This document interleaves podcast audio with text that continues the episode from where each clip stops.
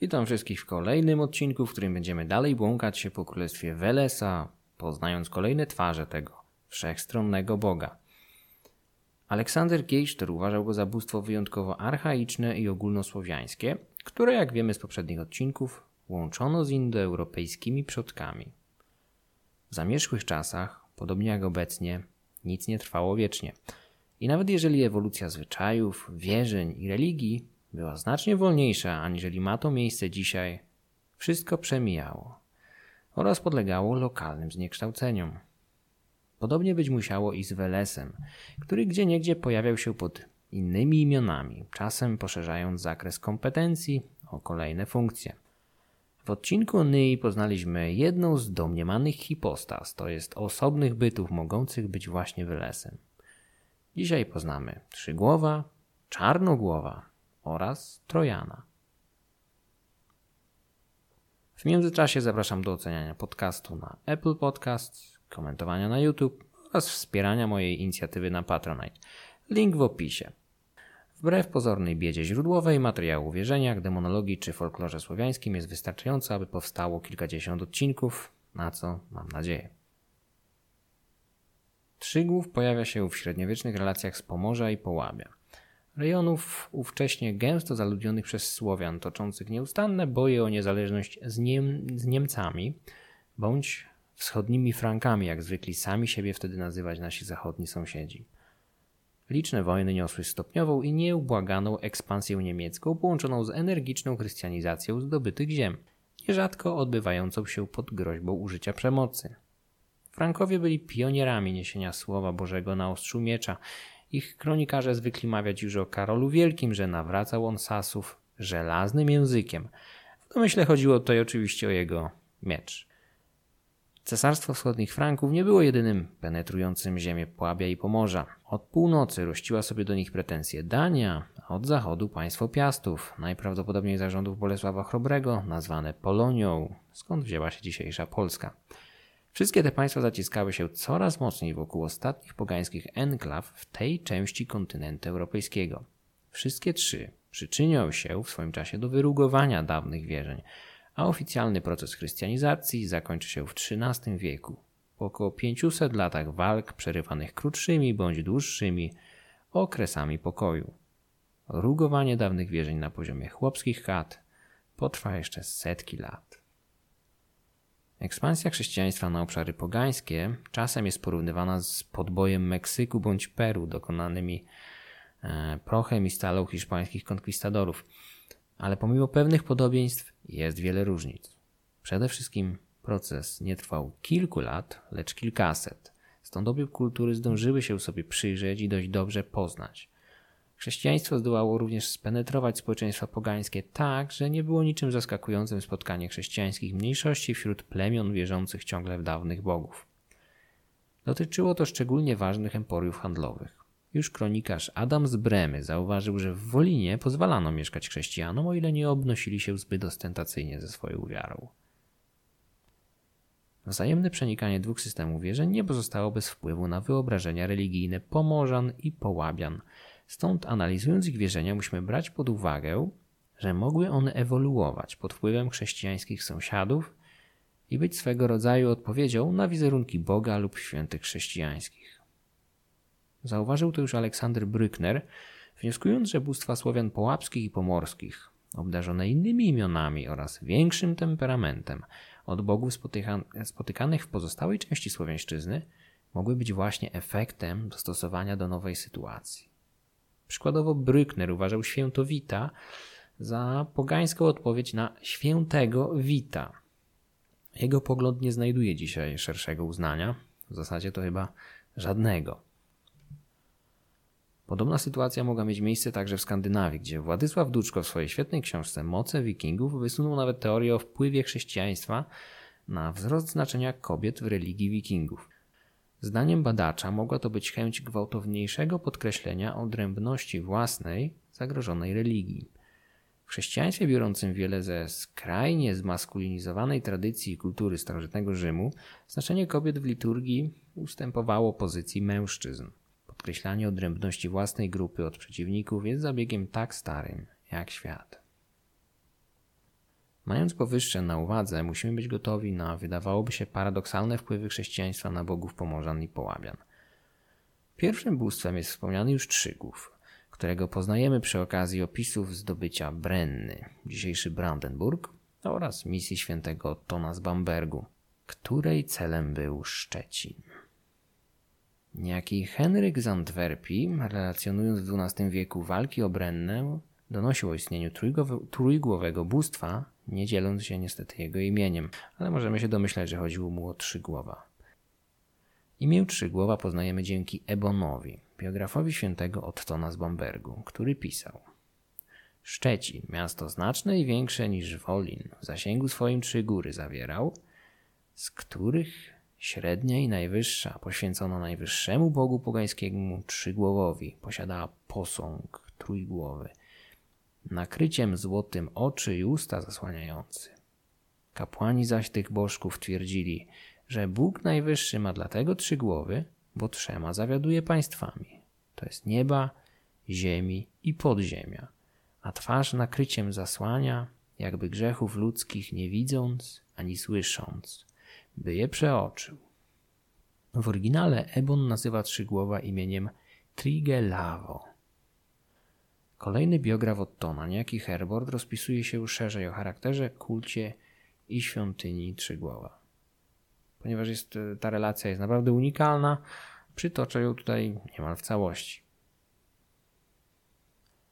Były zaś w mieście Szczecinie cztery kąciny, ale jedna z nich, najgłówniejsza, zbudowana była dziwną techniką i kunsztem, mając zewnątrz i wewnątrz rzeźby, wystające ze ścian obrazy ludzi, ptaków, zwierząt, tak dokładnie wyrażone w swoich właściwościach, że zdawało się oddychały i żyły. A co rzadkością nazwę? Barw obrazów zewnętrznych nie mogły żadne burze śniegów czy ulew ściemnić, czy zetrzeć, czego sztuka malarska dokazała. Do tego budynku zbierano wedle dawnego zwyczaju ojczystego pod prawem dziesięciennym zdobyte zasoby i broń wrogów i cokolwiek z łupów morskich albo w walce lądowej zdobyto.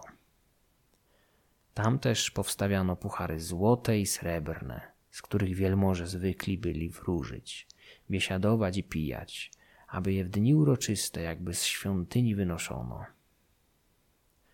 Zachowywali też tam na ozdobę i cześć bogom swoim wielkie dzikich turów rogi, złocone z wpojonymi perłami, służące do picia, i rogi służące do głosu, tasaki i noże, i wiele sprzętów kosztownych, rzadkich, a pięknych na wygląd.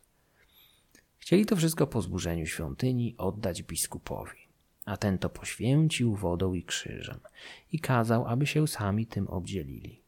Był tam bałwan trójgłowy, bo na jednym tułowiu o trzech głowach, zwany trzygłowem. To jedno zabrał ze sobą odton niby trofeum, owe trzy złączone głowy, a tułów zniszczył i później posłał do Rzymu na świadectwo nawrócenia Pomorzan.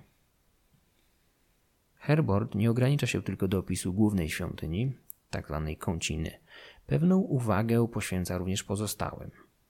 Trzy inne kąciny zażywały mniejszej czci i ozdoby. Mniej miały. Tylko wewnątrz wystawione były w obwodzie stoły i ławki, bo zwykli tam byli odprawiać wiece i schadzki swoje. Bo czy chcieli biesiadować, czy się zabawiać, czy swe ważne sprawować rzeczy, schodzili się do tych budynków w pewne dni i godziny. Był też tam dąb rozrosły, a liściasty – a pod nim źródło przepiękne, które lud prosty jako siedzibę ubóstwa jakiegoś uświęcone uważał i w wielkiej czci miewał. Gdy biskup po zburzeniu świątyń i ten dąb wysiec chciał, prosił go lud, by tego nie czynił, obiecując, że nigdy więcej pod pozorem religijnym drzewa ani miejsca czcić nie będą, lecz dla cienia i przyjemności. Wojowniczy biskup wspaniałomyślnie przyjął petycję pokonanych mieszkańców, stawiając im za niepodlegający dyskusji warunek wyrzeczenie się uczczonego pod tym drzewem bóstwa, razem z czarami i wróżbami, tak nieprzystojącymi chrześcijanom. Tutaj przechodzimy do opisu konia poświęconego Trzygłowowi. Mieli bowiem rosłego bardzo i otyłego konia, karego, nader bystrego, Ten próżnował sobie rok cały, a uchodził za taką świętość, że się nań żaden jeździec nie godził i miał jednego z kapłanów czterech świątyń za bardzo pilnego stróża. Kiedy bowiem zamyślali ruszyć przeciw wrogom albo na łupy, o wyniku wyprawy w ten sposób zwykli się byli przezeń przeświadczać. Kładziono na ziemi dziewięć włóczni, każda o łokieć nawzajem oddalona. Osiodławszy konia i nałożywszy uzdeł, kapłan, do którego dozór należał, trzymanego za uzdeł trzykrotnie tam i nazad w poprzek leżących włóczni przeprowadzał. Jeśli koń przeszedł, nie potknąwszy się, ani nie rozrzuciwszy włóczni, mieli to za znak powodzenia i wyruszali na pewne. W razie przeciwnym zaniechiwali.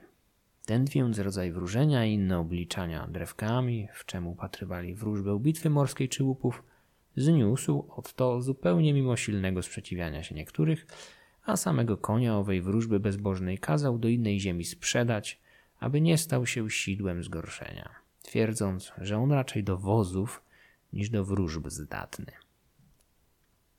Dalsze losy rumaka trzygłowa nie są niestety znane. Możliwe, że dokonał swoich dni jako zwykły koń pociągowy gdzieś w cesarstwie. Czarna maść konia trzygłowa jest dla nas o tyle interesująca, że sugeruje związek Boga z zaświatami, gdyż kolor czarny był kojarzony z Welesem. Aleksander Geisztor zwraca uwagę, że bóstwom związanym z niebem, takim jak Perun, poświęcano zwierzęta o barwie białej. Biograf Ottona, Ebon, zanotował, że Trzygłów miał swój złoty posąg, który zdołał przetrwać prześladowania zainicjowane przez świętego kaznodzieję. Kapłani Boga oddali go w tajemnicy na przechowanie pewnej wdowie, która skryła go z kolei w pniu drzewa okrytego tkaniną. Ta sama kobieta schowała również w innym miejscu święte siodło trzygłowe. Posąg wpadł w ręce chrześcijan. Jeden z towarzyszy Ottona, niejaki Herman, wytropił wdowę oraz interesującą nas dziuplę, udając czciciela dawnych bogów, chcącego złożyć ofiarę ukochanemu bóstwu. Upewniwszy się, że posąg jest w dziupli, skradł go nocą i dostarczył Ottonowi. Ten nie okazał litości artefaktowi, przetapiając go na oczach starszyzny plemiennej. Złoto uzyskane w ten sposób posłużyło do wykupu jeńców wojennych. W Wolinie z kolei kultem obdarzono włócznię trzygłowa, którą wbito w słup symbolizując w ten sposób wojowniczy charakter bóstwa. Resztki wiary w tego boga przetrwały w ludowym folklorze całe stulecia. Jeszcze w XVIII wieku niemiecki historyk Christian Knaufe zanotował, jakoby Serbowie łużyccy z Miśni wierzyli w bóstwo pod postacią mężczyzny o trzech złotych głowach skrytych pod kapeluszem. W dłoni miał on trzymać księżyc. Złoto, jak wiemy, jest w tradycji indoeuropejskiej jednym z atrybutów Boga zaświatów. Podobnie księżyc sugeruje noc, kojarzoną ze śmiercią. Wspomniana wcześniej Brenna, dziś Brandenburg, w której czczono trzygłowe bóstwo, była stolicą zachodniosłowiańskiego plemienia Stodoran. W Brennie stał posąg bądź świątynia poświęcona trzygłowowi, zniszczona w pierwszej połowie XII wieku. Niektórzy lingwiści wywodzą nazwę plemienia Stodoran od irańskiego słowa oznaczającego mrok, jednocześnie dostrzegając pewien związek nazwy plemienia i czczonego przez nich Boga z najwyższym szczytem Słowenii, górą Triglav, u której podnóży le leży wioska Studor. Słowenię od kraju Stodoran dzieli zaledwie 800 km. Jest to odległość na tyle nieznaczna, że faktycznie mogło dojść do jakiejś podróży przodków Stodoran z rejonów Słowenii do rejonów dzisiejszej Brandenburgii. Także mógł zaistnieć jakiś związek, choć niestety nie jesteśmy w stanie w żaden sposób go potwierdzić. Może to wskazywać na szeroki zasięg kultu trzygłowa Triglawa, zwłaszcza, że jedna z wersji słowiańskiego mitu o początkach świata mówi, iż to właśnie góra Triglav była pierwszym, co wyłoniło się z odmętów pierwotnego oceanu. Czy Bóg Trzygłów byłby personifikacją kosmicznej góry? Czy przodkowie Stodoran przybyli z terenów dzisiejszej Słowenii, niosąc ze sobą prastare wierzenia zaszczepione następnie na nadodrzański grunt? Wszystko to jedynie barwne teorie i poszlaki. O ile znaczenie imienia Trzygłowa jest jasne, o tyle dawność i zasięg kultu pozostawiają wiele pytań. Dawniej wysuwano nawet teorię, jakoby imię powstało pod wpływem chrześcijaństwa, będąc pogańską odpowiedzią na Trójcę Świętą. Dzisiaj pogląd ten jest powszechnie odrzucany. Trzy głowy mogą symbolizować trzy strefy: niebo, ziemię i krainę zmarłych, co nasuwa skojarzenia choćby z tak zwanym światowidem ze Zbrucza. Trzygłów pozostawił po sobie pewne pamiątki choćby w nazwach miejscowości, jak wieś Trzygłów pod Gryficami koło Szczecina. Według legendy zanotowanej przez niemieckich badaczy lokalnego folkloru, woliniscy żercy, czyli kapłani, tutaj właśnie ukryli posążek swojego boga podczas działalności świętego Ottona. Pewne pogłoski umiejscawiały pogańską świątynię w tej lokalizacji, ale archeolodzy póki co nie znaleźli na to dowodów. Kolejna legenda mówi, że jeden z kapłanów nie do końca wierzył w bezpieczeństwo posągu w tej małej miejscowości i postanowił wywieźć go gdzieś daleko. Udało mu się ukryć go pod wielkim głazem narzutowym w Tychowie. Głazów, największy tego typu w Polsce, nosi od dawien dawna imię Trygław, a jego ciemnoszara, grafitowa, a miejscami wręcz czarna barwa może nasuwać skojarzenia z Bogiem o tym samym imieniu.